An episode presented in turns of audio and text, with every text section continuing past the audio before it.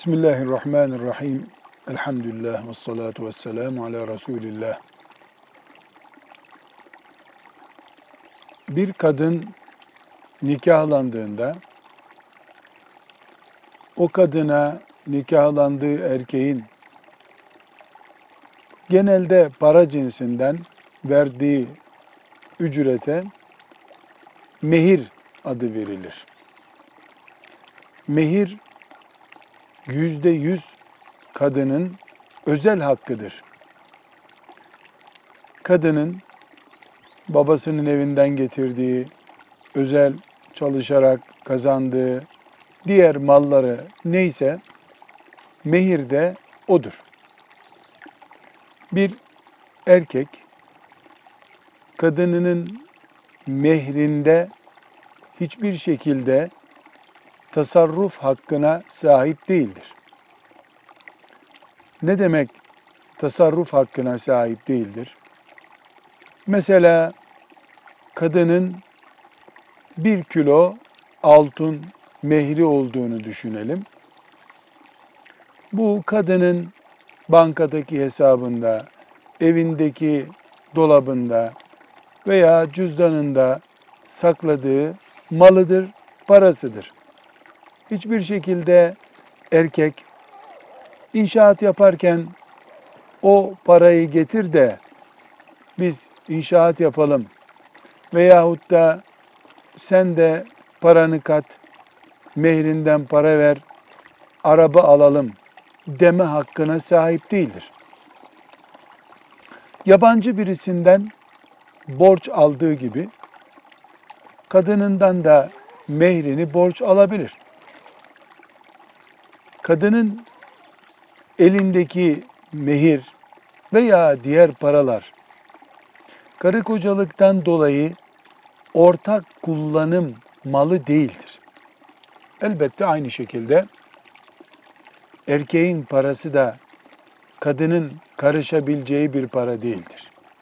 Ne erkek kadının parasına ne de kadın erkeğin veya erkek kadının parasına bir yolla müdahale etme hakkı yoktur.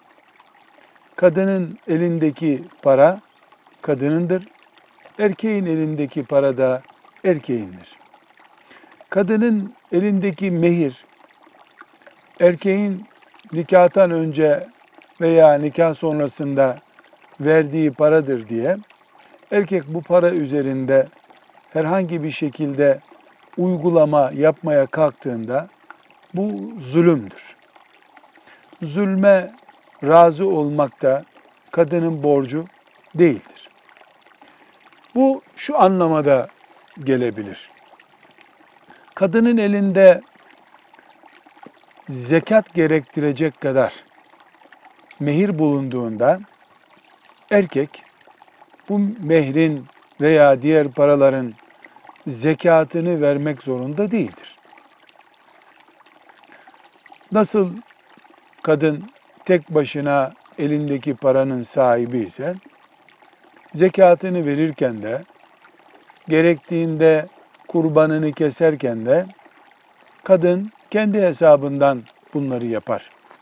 Erkek nezaket gösterip kadının zekatını kadına vekaleten verebilir ama görevi değildir. İşin özeti şudur.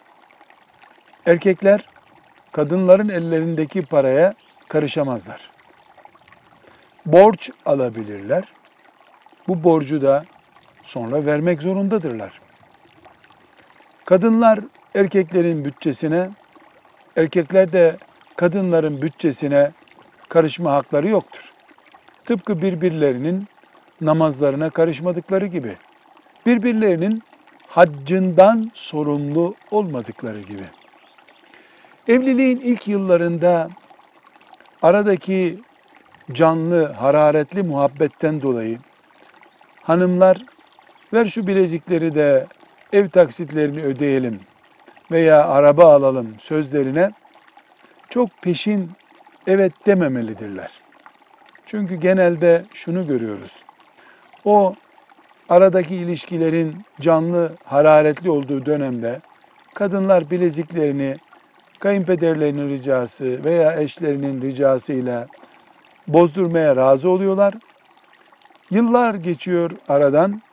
O bilezikler geri gelmeyince de yaptıkları iyiliği başa kakıyorlar ya da bunu benden niye almıştınız, niye geri vermiyorsunuz diyorlar.